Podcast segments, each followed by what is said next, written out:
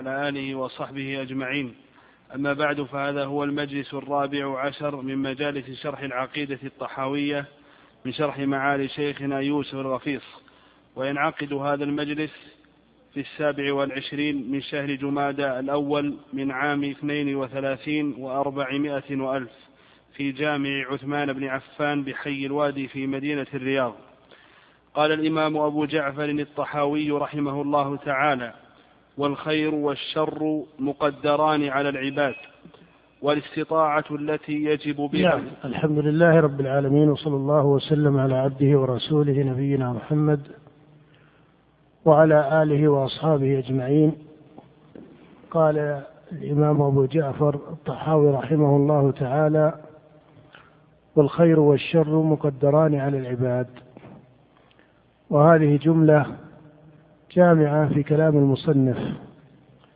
وهذه مسألة كبيرة الشأن عظيمة القدر وقد خاض فيها بنو آدم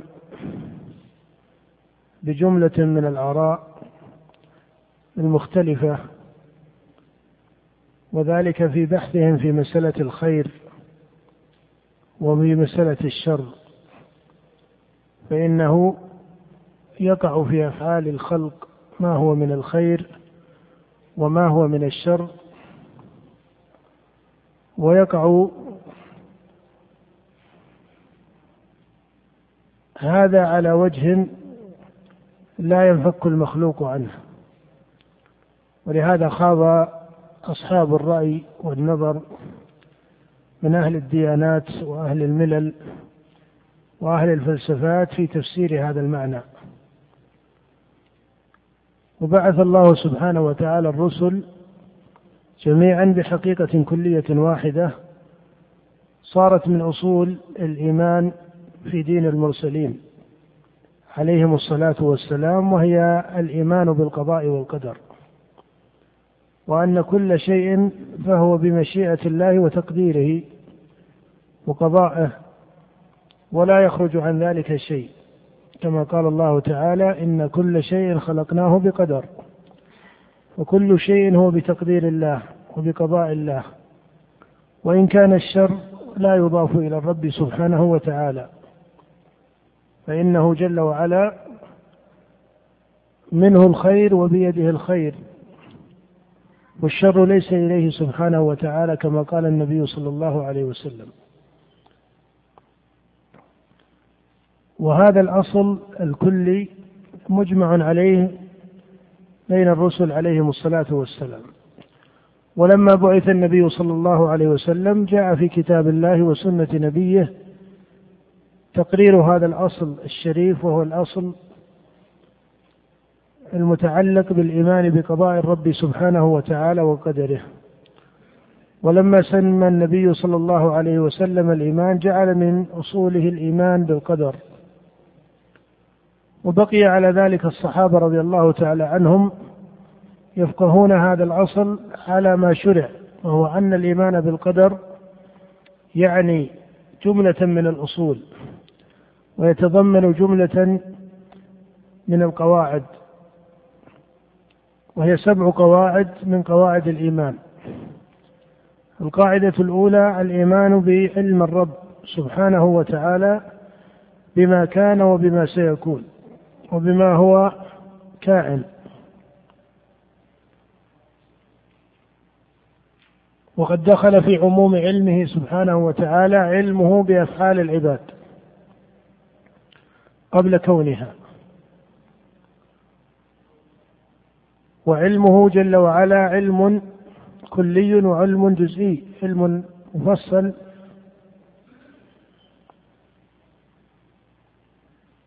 لا يتخلف عنه شيء فهو يعلم كل شيء فهذا وصف كلي لعموم علمه وهو بكل شيء عليم. وعلمه متعلق بكل شيء من حيث التفصيل فلا يخفى عليه شيء. قال الله تعالى وعنده مفاتح الغيب لا يعلمها إلا هو ويعلم ما في البر والبحر وما تسقط من ورقة إلا يعلمها ولا حبة في ظلمات الأرض ولا رطب ولا يابس إلا في كتاب مبين. فهو يعلم ما في البر وما في البحر. فهذه جملة كلية. وهي متضمنة لكل تفصيل فيها. ولهذا جاء في ختام الآية ولا حبة في ظلمات الأرض ولا رطب ولا يابس. وهو بكل شيء عليم سبحانه وتعالى. وعلمه جل وعلا وهذا قد حصل في بعض من أخص صفاته. وهو علم يجب للرب جل وعلا وجوبا يليق به ولا يصح لغيره. ولهذا لا يوصف بهذه الصفة على هذه الرتبة وعلى هذا المعنى غير الله سبحانه وتعالى. فمن أضاف هذا العلم أو شيئا منه الذي اختص الله به لغير الله سبحانه وتعالى فهو كافر مشرك.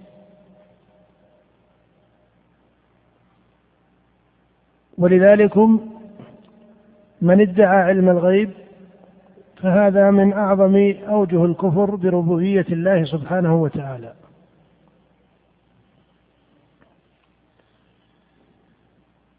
وإنما أشير إلى مسألة علم الله سبحانه وتعالى بكل شيء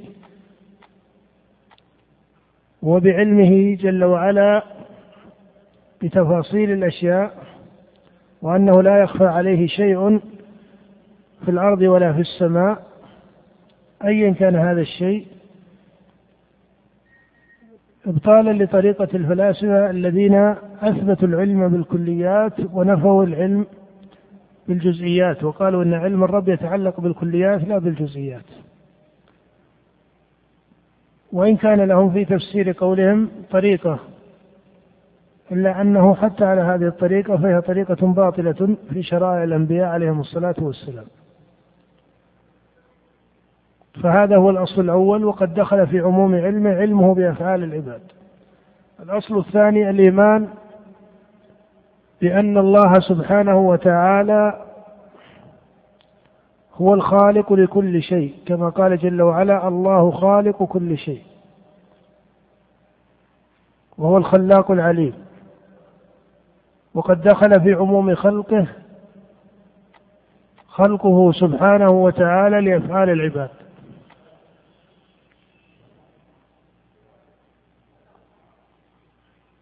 وهذا له دلائل مستفيضة في الكتاب والسنة كذلك. والأصل الثالث الإيمان بمشيئة الرب سبحانه وتعالى وعمومها وأنه لا يخرج شيء عن مشيئته حتى من جعل الله له من خلقه مشيئة فخلقه مختارا ذا مشيئة جعل مشيئته مقيدة بعموم مشيئة الرب. قال الله تعالى في الإنسان وما تشاءون إلا أن يشاء الله رب العالمين. فإذا كان هذا في الإنسان المختار الذي خلق على مشيئة واختيار على الحقيقة وقيدت مشيئته فغيره ممن لا مشيئة له من باب إيش؟ من باب أولى. فإذا هذا الأصل هو الإيمان بعموم مشيئة الرب جل وعلا وقد دخل في عموم مشيئته مشيئته لأفعال العباد. ومشيئة الله العامة وإرادته الشاملة لا تستلزم محبته. بخلاف الإرادة التي هي على معنى الأمر والطلب الشرعي أو تتضمن الأمر الشرعي فإنها تكون متضمنة أو مستلزمة لمحبة الله سبحانه وتعالى للفعل. فإن الإرادة في كتاب الله تأتي على هذا المعنى العام وعلى هذا المعنى الخاص.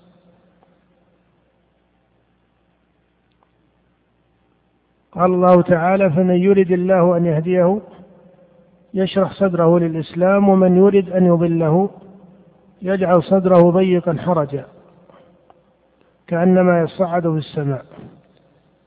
مع أن الله سبحانه وتعالى ما أراد من العباد أن يضلوا بل أمرهم بالإيمان وترك الضلال. فهذه إرادة الله الشاملة العامة وهي على معنى المشيئة المطلقة. وتأتي الإرادة على معنى أمره سبحانه وتعالى أو تكون متضمنة ومستلزمة لأمر الرب جل وعلا.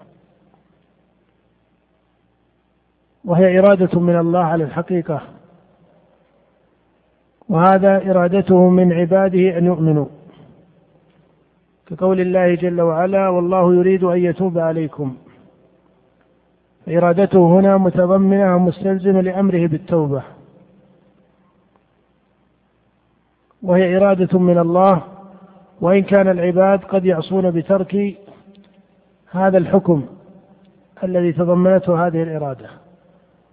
لكن لا يراد بها قضاؤه سبحانه وتعالى بوقوع الفعل فإنه إذا قضى بوقوع الفعل فلا راد لقضائه ولا معقب لحكمه وأمره. وتعلم أن الأمر والإرادة والجعل والبعث والإرسال وجملة من الأسماء تأتي في كتاب الله على هذين المقامين. تأتي في كتاب الله على هذين المقامين. تأتي على المعنى الشرعي وعلى المعنى القدري. ومن ذلكم أيضا القضاء. كقول الله جل وعلا وقضى ربك ألا تعبدوا إلا إياه. هذا القضاء بمعنى الطلب الشرعي أي أوجب. ويأتي القضاء على معنى القدر أي قدر. وسبق قدره بهذا كما قال سبحانه وتعالى في بني إسرائيل وقضينا إلى بني إسرائيل في الكتاب لتفسدن في الأرض مرتين ولتعلن علوا كبيرا. فهذا يعلم أنه ليس على معنى القضاء المذكور في قوله وقضى ربك ألا تعبدوا إلا إياه. هذا الأصل الثالث. الأصل الرابع الإيمان بأن الله كتب في الذكر كل شيء وكتب مقادير الخلائق قبل أن يخلقهم وقبل أن يخلق السماوات والأرض.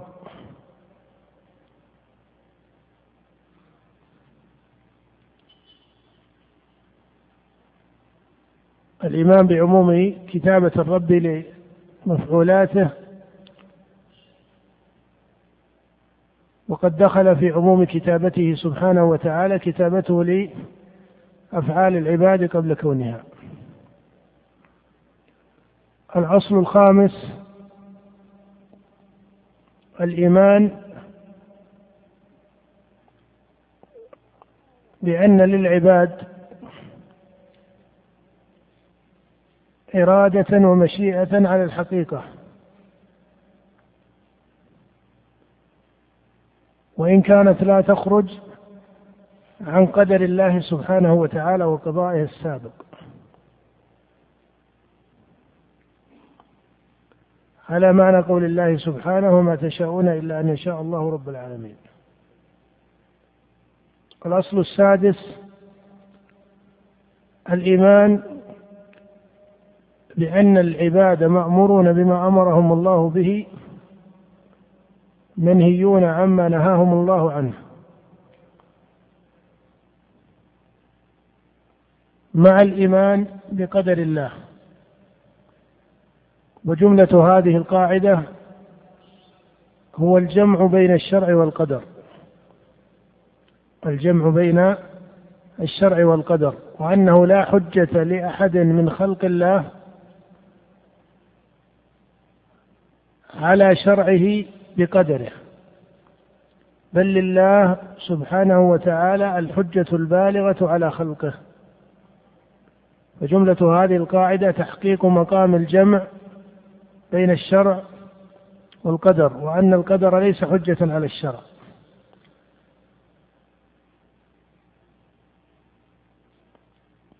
الأصل السابع الإيمان بحكمة الرب جل وعلا.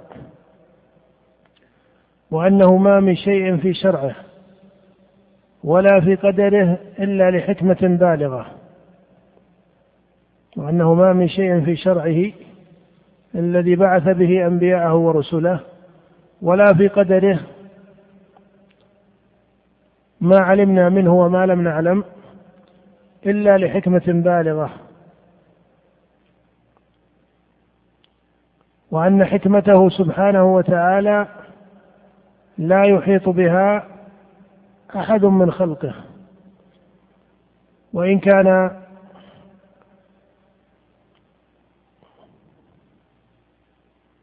أظهر منها لأوليائه ورسله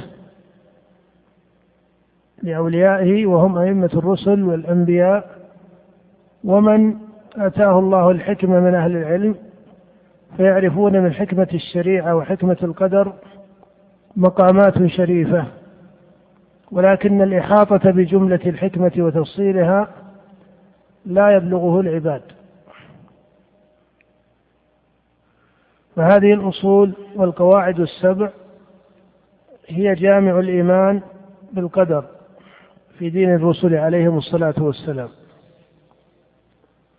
وقد ظل في هذه المسألة كما سبق طوائف من بني آدم من منحرفة أهل الكتاب وأصحاب الفلسفات. وفي هذه الأمة ظلت بعض الطوائف لما حدثت بدعة القدرية في أواخر عصر الصحابة رضي الله تعالى عنهم. وذلكم زمن الفتنة التي كانت بين ابن الزبير وبين بني أمية. بعد انقراض عصر الخلفاء الراشدين. حدثت بدعة القدرية الذين قالوا إن الأمر أنف. وروى الإمام مسلم في أوائل صحيحه من حديث يحيى بن أبي كثير ما ذكره أو قاله عبد الله ابن عمر رضي الله تعالى عنهما في حكم هؤلاء القدرية. لما بلغه أمرهم قال إذا لقيت هؤلاء فأخبرهم أني بريء منهم وأنهم مني براء. ثم قال والذي يحلف به ابن عمر لا يقبل من أحدهم شيء حتى يؤمن بالقدر. وقال رضي الله عنه لو أنفق أحدهم مثل أحد ذهبا ما قبله الله منه حتى يؤمن بالقدر. وهذه المقالة مقالة إن الأمر أنف مقالة دخلت على هؤلاء من الفلسفات السابقة التي ترجمت وبدأت ترجمتها عند المسلمين. وبعضها نقل على جهة المعنى. ولهذا سمى أهل المقالات القدرية على قسمين ولاة القدرية وهم منكرة العلم وهذه مقالة ليست من مقالات المسلمين. ولم يحفظ ولم يحفظ عن أحد من أعيان النظار أنه قال بها. وإنما كانت لبعض أهل الديانات المخالفة لأصل دين الإسلام. فإن من يقول إن الأمر أنف على معنى إنكار علم الله وهذا صريح في جحد الإسلام. وليس هو مما يحتمل وجها من التأويل. فإن من ينكر علم الرب سبحانه وتعالى بما كان فهذا لا تأويل فيه بل هذا محض كفر بالله سبحانه وتعالى. وإنما المقالة التي شاعت في القدرية في هذه الأمة هي مقالة المعتزلة ومن وافقهم على مقالتهم من القدرية الذين يقولون إن الله لم يخلق أفعال العباد ولم يشأها مع إيمانهم بأنه علمها. هذا هو مزلة الأقدام الذي عرض في هذه الأمة. وأصل من قال به هم المعتزلة وإن كانت المقالة شاعت في غيرهم ولا سيما في العراق والبصرة منها على وجه الخصوص. وإن كانت طريقة من شاع ذلك فيهم ليست هي طريقة الضار المعتزلة. بل كانوا يقررونها على معنى آخر ليس على المعنى التي أو المعنى الذي تقوله المعتزلة. هذا فرق من حيث المقدمات يحصل به فرق من حيث النتائج. فإن بعض رجال الإسناد والرواية كما تعرف نسب لمقالة القدرية فهؤلاء ليسوا على طريقة المعتزلة. وإن كانت مقالتهم بدعة وضلالة فهذا من جهة هذه المقالة وقابلها مقالة الجبرية الذين صرحوا بأن العبد مجبور على فعله. وهذه من أصول مقالات جهم بن صفوان وبعض النظار من متقدم المتكلمين. ثم تأخر شأن هذه المقالة الصريحة إلى القول بالكسب في طريقة طائفة من متكلمي المنتسبين إلى السنة والجماعة في طريقة طائفة من المتكلمين المنتسبين للسنة والجماعة. فانتهوا إلى وجه من الجبر وإن كانوا لا يصرحون باسمه ولكنه ليس الجبر الذي يقوله جهم وأمثاله بل هو دون ذلك. وهذا هو الشائع في طريقة أبي الحسن وأصحابه. وقد صرح بعض محققي أصحاب أبي الحسن بأن طريقتهم جبر متوسط كما ذكر ذلك الشهرستاني أو أن حقيقتها أن العبد مجبور في صورة مختار كما صرح بذلك ابن الخطيب محمد بن عمر الرازي. فقال معنى الكسب في المذهب أن العبد مجبور في صورة مختار. فهذا هو حقيقة هذه المدرسة أو هذا المعنى وهو معنى الجبر في كلام المتكلمين ومن ترك القول بالجبر وقال بالكسب فإن بينهم فرق من جهة المعنى ومن جهة اللفظ. وإن كان أكثر الفرق هو من جهة اللفظ وليس من جهة المعنى. نعم. قال رحمه الله والإستطاعة التي يجب بها الفعل من نحو التوفيق الذي لا يجوز أن يوصف المخلوق به فهي مع الفعل. وأما الاستطاعة من جهة الصحة والوسع والتمكن وسلامة الآلات فهي قبل الفعل وبها يتعلق الخطاب. وهي كما قال تعالى لا يكلف الله نفسا إلا وسعها. نعم الاستطاعة بين المتكلمين فيها خلاف. المعتزلة تقول إن الاستطاعة تكون قبل الفعل. والأشعرية تقول إن الاستطاعة تكون مع الفعل. وأراد أبو جعفر بهذا التفصيل أن يدرع الخلاف. والمقصود في هذه المسألة أن الله سبحانه وتعالى خلق العبد مستطيعا له إرادة وله مشيئة وهي مناط التكليف. وتكون قبل الفعل ومعه. نعم. قال رحمه الله وأفعال العباد خلق الله وكسب من العباد. قال وأفعال العباد خلق الله. وهو بهذا فارق مقالة المعتزلة والقدرية. وأفعال العباد خلق الله فارق بذلك مقالة القدرية ومقالة المعتزلة على وجه الخصوص. وإن كانت لا تختص بهم. وقال وهي كسب للعباد. وهذه الجملة من حيث محض اللفظ صحيحة. لأن الله يقول لها ما كسبت وعليها ما اكتسبت. ولكنها جملة مشكلة من حيث النظر إلى السياق. من حيث النظر إلى السياق. فإن الله سبحانه وتعالى ما وصف أفعال العباد بأنها محض كسب. بل هذا أحد أوصافها في كتاب الله أليس كذلك؟ فتخصيص كون أفعال العباد كسبا لهم هذا التخصيص لا أصل له في الشريعة. بل يثبت هذا المعنى وما يتضمنه يثبت غيره كإثبات الإرادة على حقيقتها وأنها إرادة مؤثرة يقع الفعل بها. وليس يقع الفعل عندها لا بها. كقول الله سبحانه وتعالى منكم من يريد الدنيا ومنكم من يريد الآخرة. فإثبات معنى الإرادة على حقيقته. فهل أبو جعفر يشير إلى طريقة طائفة من متكلمي أهل القبلة من المنتسبين للسنة أم أنه ذكر أحد هذه الأوصاف؟ هذا من حيث تعيين المراد للمؤلفين ليس تحته كثير من العلم إنما المقصود هنا أن لفظ الكسب في أصله لفظ شرعي. وهذا جاء في كتاب الله لها ما كسبت ولها ما اكتسبت إنما الخطأ فيه من جهتين جهة لفظية وجهة معنوية.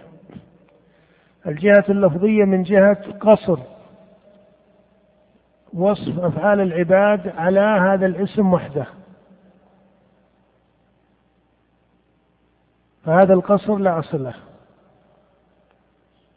ومن حيث المعنى وهو أبلغ من حيث تفسير الكسب بمعنى أن العبد له إرادة يقع الفعل عندها لا بها فسلب إرادة العبد التأثير. وهذا هو المعنى الباطل الصريح في البطلان. فإذا الخطأ في الكسب من جهة اللفظية ومن جهة معنوية وإن كان أصله لفظا شرعيا يصح استعماله بل يشرع استعماله كغيره من الأوصاف الشرعية. نعم. ولم يكلفهم الله تعالى إلا ما يطيقون ولا ولم يكلفهم إلا ما يطيقون. وهذه تمثل التكليف ما لا يطاق. والصحيح أن هذه المسألة فيها أحرف مجملة لأن أصل التكليف كاسم اسم حادث كما سبق. أي تعليق التشريع باسم التكليف في سائر أوجهه تعليق حادث من أهل الاصطلاح. وسبق معنا هذا في مسائل أصول الفقه. أن تسمية الأحكام الخمسة تكليفا هو اصطلاح حادث. والذي جاء في كتاب الله أن الله سبحانه وتعالى لا يكلف النفس إلا ما استطاعت. وأن التكليف على حسب القدرة. قال الله تعالى لا يكلف الله نفسا إلا وسعها. لكن حدث في هذه المسألة وهي من فروع مسألة القدر حدث فيها خلاف بين المعتزلة ومتكلمي أو متكلمة الصفاتية. نعم. ولا يطيقون إلا ما كلفهم وهو تفسير لا حول ولا قوة إلا بالله نقول لا حيلة لأحد ولا حركة لأحد ولا تحول لأحد عن معصية الله إلا بمعونة الله ولا قوة لأحد على إقامة طاعة الله والثبات عليها إلا بتوفيق الله. وكل شيء يجري بمشيئة الله تعالى وعلمه وقضائه وقدره. غلبت مشيئته المشيئات كلها وغلب قضاؤه الحيل كلها. يفعل ما يشاء وهو غير ظالم أبدا. تقدس عن كل, عن كل سوء وحين وتنزه عن كل عيب وشين. لا يسأل عما يفعل وهم يسألون. وفي دعاء الأحياء وصدقاتهم منفعة للأموات هذا. وبالله التوفيق وصلى الله وسلم على نبينا محمد. نعم.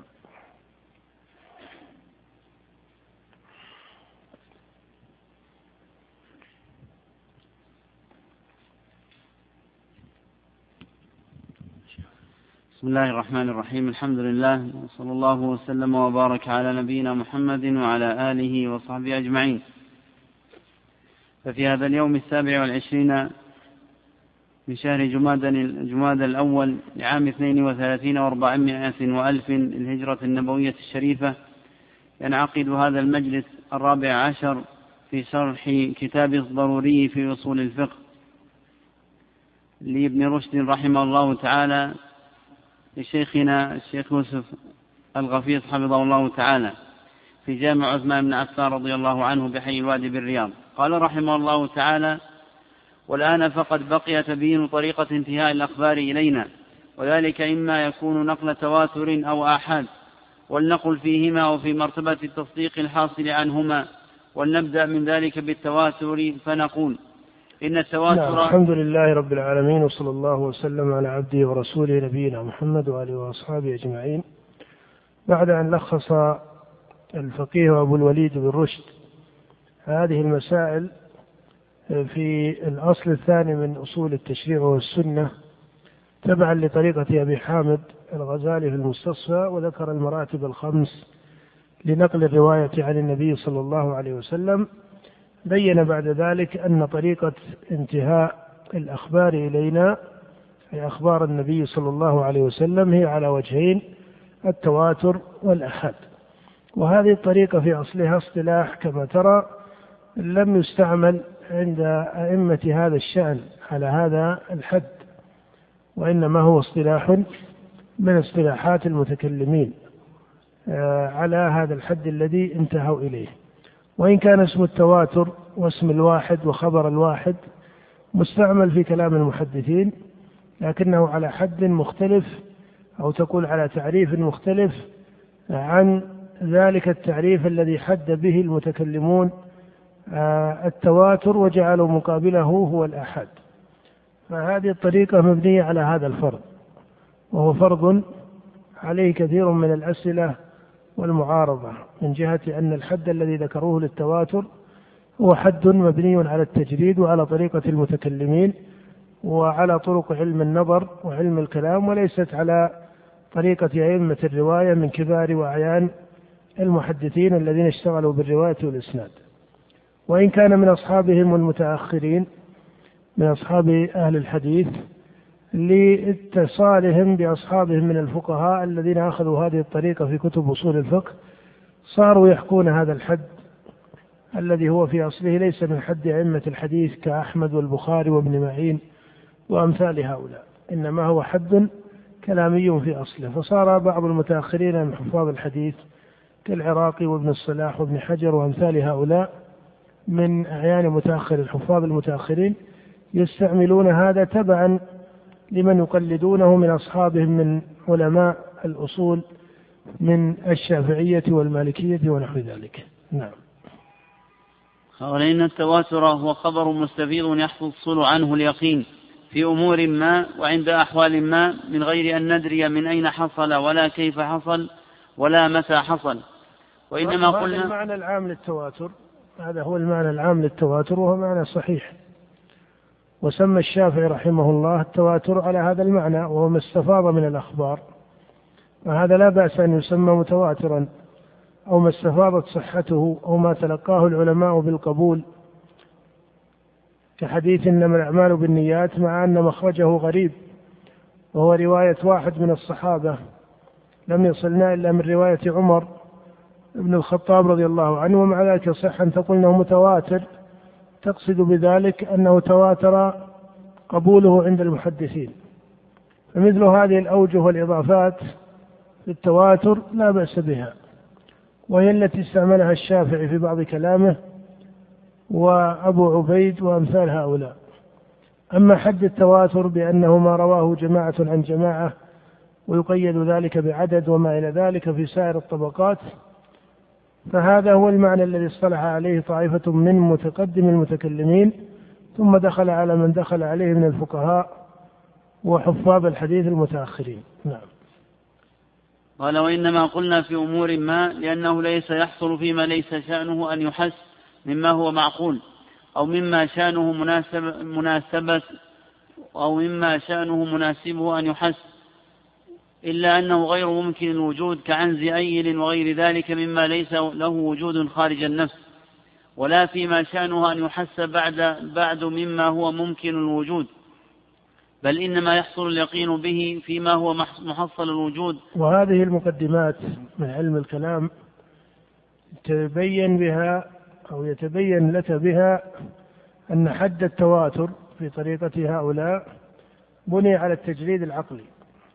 مع أن أخبار النبي صلى الله عليه وسلم ليست صفة قبول أخبار النبي عليه الصلاة والسلام كصفة قبول أخبار غيره لماذا؟ لأن من حمل أخباره عليهم رضي الله تعالى عنهم وهم الصحابة لهم صفة لا يتحقق في أي رجل من عرض التاريخ روى عنه رجال أخبار أو كلام قاله فهذه الطريقة يعني قبول الرواية رواية الصحابة هي معتبرة بمدرك العقل من جهة القياس وبعد الخطأ ومعتبرة بمعنى سابق لذلك وهو حكم شرعي وهو القضاء بعدالة الصحابة. هذا حكم شرعي. مبنية على مقدمة شرعية أخرى وهي أنه يمتنع إطباق الرواية على خبر مكذوب إلى النبي صلى الله عليه وسلم أو خطأ عليه. حتى لو لم يكن مكتوبا من أصله. فلا يمكن أن تصحح رواية عند أهل الحديث ويمضي عند الأمة العمل بها ويكون أصل هذه الرواية التي عمل بها يكون أصلها إيش؟ فيه خطأ. ليس كذب حتى الخطأ في ترتيب قول النبي صلى الله عليه وسلم. فإذا هذه مقدمات شرعية ما التفت إليها النظار لما كتبوا حد التواتر. فبين من طريقة أبي الوليد هنا أنهم لما ذكروا التواتر أرادوا به التجريد العقلي ولهذا وقع الوهم من هذه الجهة. نعم. قال بل إنما يحصل اليقين به فيما هو محصل الوجود في الزمان في الزمان الحاضر أو كان محصل الوجود في الزمان الماضي مما لم نحسه بعد لأن ما أحسسناه أو كان لنا سبيل إلى إدراكه بقياس يقيني كحدث العالم, العالم وغير ذلك فلا غناء للتواتر فيه لأنه إما أن يتواتر عندنا بحسب ما أحسسنا أو وقفنا عليه بالقياس فذلك في حقنا فضل. وإما أن إن تواتر وإما وأما إن تواتر خلافه فلا يقع لنا فلا يقع لنا به تصديق. وقولنا وعند أحوال ما تحفظ فيما تواتر, تواتر ولم يقع اليقين به. ولذلك رام قوم لما شعروا بهذا أن يشترطوا في التواتر عددا يلزم عنه بالذات وأولا اليقين حتى يكون هو السبب في وقوع اليقين عنه ومقتضيا له على جهة ما تقتضي الأسباب مسبباتها. فلما لم يتحصل لهم حدود حدوه حدوه بأنه الذي يحصل عنه اليقين على أنه محصل الوجود في نفسه وإن كان مجهولا عندنا. والمشاهدة بخلاف ذلك فإنه يظهر أن العدد الذي يحصل عنه اليقين يزيد وينقص في نازلة نازلة ولو كان ها هنا عدد ما بالطبع يحصل عنه اليقين بالذات وأولا لكان سنحس لكنا نعم هذا كله بناء على طريقة آه، لطائفة من المتكلمين وطائفة من النظار وهي التي اختارها أبو حامد الغزالي في المستصفى وهو أو وهي أن التواتر لا يعتبر بالعدد وحده بل يعتبر بالعدد ويعتبر بالعدد مع القرائن. ولا شك أن هذه الطريقة تخفف الإشكال بعض الشيء فيما يرد على حد التواتر عند المتكلمين. ولكن طائفة من المتكلمين يرون أن القرائن لا تعتبر في حد التواتر. قالوا لأن القرائن إفادتها ظنية والمعتبر هنا أن تكون الإفادة حصلت بمجموع يتضمن أو يستلزم اليقين. فالعدد وإن كان بإحاده ظنيا إلا أنه بمجموعه لكونه جنسا واحدا يصير به اليقين. وهذا مأخذ غلاة المتكلمين الذين لم يصححوا في قبول التواتر إلا إيش؟ أو لم يعتبروا في تصحيح التواتر إلا إلا العدد. فالمصنف هنا يفرع على الطريقة التي يختارها من لخص عنه وهو الغزالي في كتاب المستصفى. نعم. قال وبالجملة فإن كثرة المخبرين أحد القرائن التي تفيد التصديق ولذلك يلزم أن يزيد وينقص بحسب ما تنضاف إليه من القرائن الأخرى. وإذا كان هذا هكذا فلسنا نقدر أن نقول إن فاعل ذلك التصديق بالنتيجة يحصل على المقدمات أو على جهة ما نقول إن المعقولات الأول تحصل عن الحس. ومن ظن أن الحال في التواتر كالحال في المقدمات التجريبية وهي التي يحصل اليقين بكليتها عند التعمد لإحساس جزئياتها فمخطئ قطعا بل, بل التصديق الحاصل عن التواتر من فعل النفس وكأن نسبته إليها نسبة وبالجملة فلم يقع خلاف في أن التواتر يوقع, يوقع اليقين إلا ممن لا يؤبه به وهم السفسطائيون وجاحد نعم، ذلك نعم هذه طريقة لبعض الفلاسفة الأقدمين الذين لا يعتبرون شيئا قطعيا فيرون جميع الأشياء قائمة على الظن وأن العدد وغيره لا يوجب قطعا ولا يقينا. نعم. قال وهم الصفصائيون وجاحد ذلك يحتاج إلى عقوبة لأنه كاذب بلسانه على ما في نفسه وإنما الخلاف في جهة وقوع اليقين عنه. فقوم رأوه بالذات وقوم رأوه بالعرض وقوم رأوه مكتسبا. مثل ما رآه أبو حامد ها هنا ومن نحى نحوه من أن اليقين به إنما وإنما رأى أبو حامد هذا أنه مكتسب لأنه اعتبر فيه القرائن والقرائن لا بد فيها من نظر ومن جمع وما إلى ذلك. أما من اعتبره رياضيا بالعدد المحض فيجعله ذاتيا وليس مما يقع بالاكتساب أو بالعرض. نعم. قال مثل ما رآه أبو حامد ها هنا ومن نحى نحوه من أن اليقين به إنما يحصل بعد مقدمتين. إحداهما أن هؤلاء مع اختلاف أحوالهم لا يجمعهم على الكذب جامع. والثاني أنهم قد اتفقوا على الإخبار عن هذه الواقعة لكن أبو حامد يسلم أن هاتين المقدمتين لم تشكلا قط. نعم وقد أطال الغزالي في تفسير هذا ولكن وما سبق التنبيه إليه وهو أن طريقة المتكلمين كالغزالي وغيره وما لخص عنه أو من لخص عنه هنا وهو أبو الوليد ابن رشد يدل على أن أولئك إنما اعتبروا خبر النبي صلى الله عليه وسلم على نفس المقدمات التي يبنى عليها أي خبر وهذا هو أحد أوجه الخطأ التي وقعوا فيها. إن أخبار الرسول عليه الصلاة والسلام هناك مقدمات شرعية مستصحبة في قبولها. ومن ذلكم عدالة الصحابة رضي الله تعالى عنهم. وإن كان الغزالي وكذلك حتى أبو الوليد لا ينازعون في هذه المقدمة. لكن المقصود أنهم لم يستصحبوها في حد ما يفيد القطع وما يفيد الظن. قال لكن أبو حامد يسلم أن هاتين المقدمتين لم تشكلا قط في الذهن بالفعل ولا احتاج الإنسان إلى أحضارهما عند وقوع التصديق بالتواتر. وإذا وضع هذا فيما لا شك هو المشاهد من هو المشاهد من أمر التواتر فمن البين أنه ليس لهاتين المقدمتين في إيقاع اليقين غناء لأن ما ليس موجودا في النفس بالفعل فليس يكون سببا لوجود ما هو لوجود ما هو فيها بالقوة حتى تخرجه إلى الفعل. ولولا كون فلا يكون اكتسابا. إذا كان موجودا بالفعل بقوة هذه المقدمات كالعدد مثلا فلا محل فيه للاكتساب. إنما الاكتساب إذا ما كان موجودا في النفس بالقوة فالاكتساب يخرجه عن الوجود بالقوة إلى الوجود بالفعل. نعم.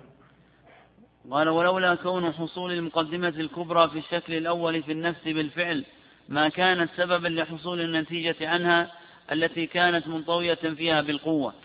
فأي فائدة لاشتراط ما لاشتراط ما وجوده مثل هذا الوجود هذا كله تفريع على مسألة نظرية وهي هل حصول التواتر في النفس وقوع اليقين في النفس هو وصف ذاتي يقتضيه التواتر أو أنه اكتساب أو أنه اكتساب. وهذه كما ترى مقدمة نظرية يعني في موضوع الاستدلال بالسنة وتقسيم السنة إلى متواتر وأحاد ليست من المقدمات المؤثرة في العمل. نعم. قال فأي فائدة لاشتراط ما وجوده مثل هذا الوجود في إيقاع التصديق؟ ولهذا اشترطنا في حد التواتر من غير أن ندري كيف حصل ولا من أين حصل.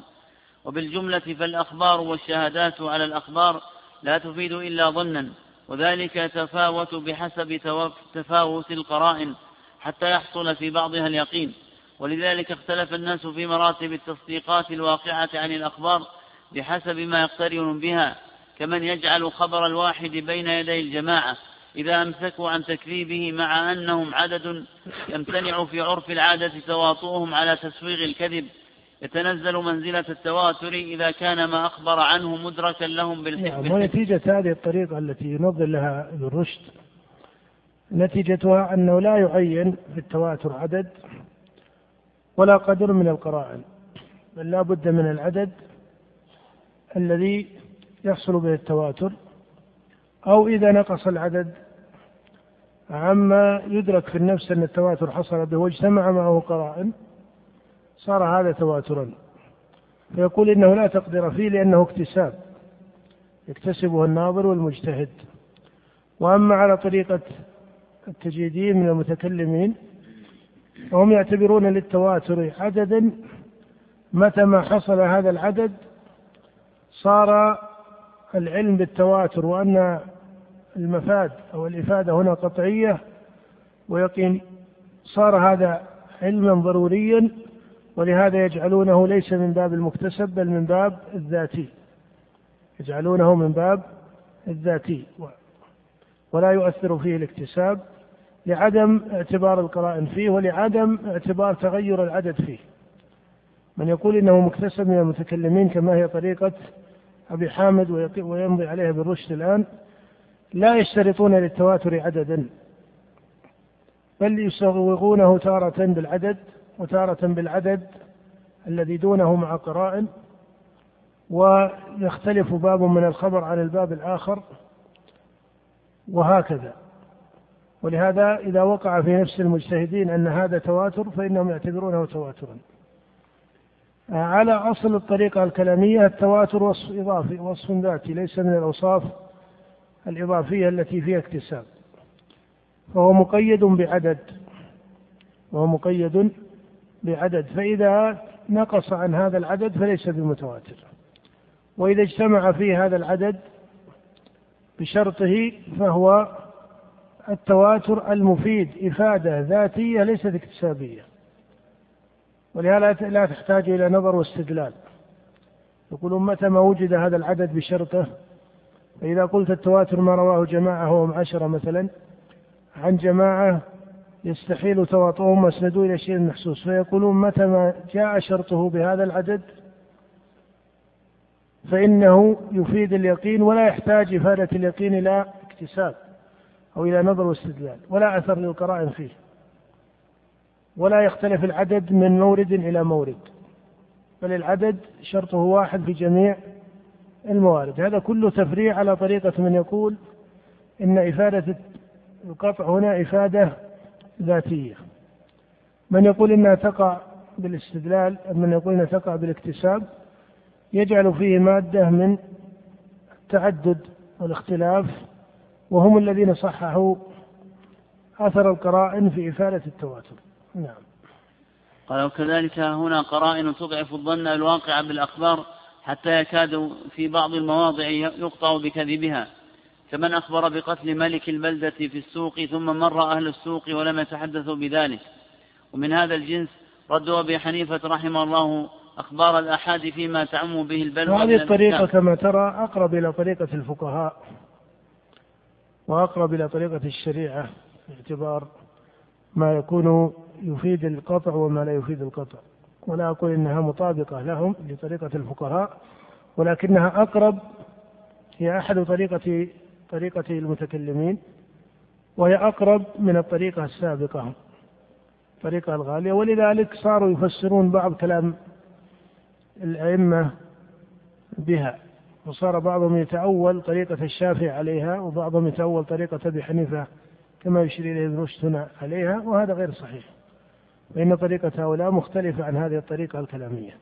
نعم.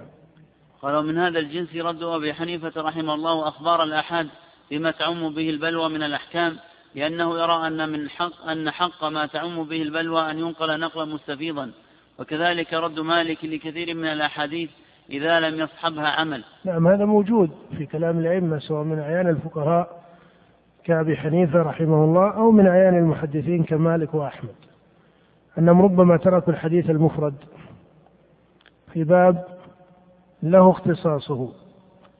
ولهذا قد يدعون من حديث الثقة عن المحدثين كبار المحدثين قد يدعون من حديث الثقة ما بان لهم أن روايته معلولة. ما بان لهم أن هذه الرواية من روايته معلولة. وربما تجوزوا في قبول خبر دونه في الدرجة عندهم. لما يصاحب روايته كالصدوق مثلا ومن دون الصدوق أحيانا لما يصاحب روايته من الشواهد. لما يصاحب روايته من الشواهد. المصدقة لهذه الرواية أو المصححة لها. ولهذا ترك الإمام أحمد رحمه الله العمل ببعض الروايات المفردة. وتعلم أنه ورد حتى في الصحاح في كتب الصحاح كصحيح مسلم مع, مع أنه من أصح الكتب في الرواية وأصح الكتب بعد البخاري ومع ذلك فيه أحرف وروايات تركها كبار المحدثين كتركهم رواية ابن عباس في صلاة الكسوف مثلا. والرواية من حيث ظاهر السند متصلة إلى ابن عباس وكتركهم لحديث ابن عباس أيضا في الطلاق. وما إلى ذلك وتركهم لحديث أبي هريرة في خلق التربة. خلق الله التربة يوم السبت. وتركهم لرواية في حديث ابن عباس في السبعين ألف هم الذين لا يرقون. ولا يسترقون فتركوا حرف لا يرقون. فهذا يكون من باب الشذوذ عند المحدثين أو ما اصطلح عليه عند أهل الحديث بالشذوذ أو من باب الإعلان. أو من باب الإعلان الذي هو أخص من وجه من اسم الشذوذ وإن كان أعم منه من جهة التطبيقات. نعم. قال فهذا ما ينبغي أن يقال في مرتبة التصديق الحاصل عن الأخبار وفي أي موضع غناؤها وفي أيها لا. فأما نعم, نعم أما الأحاد نقف على بحث أبي الوليد في مسألة الأحاد. وبالله التوفيق وصلى الله وسلم على عبده ورسوله نبينا محمد.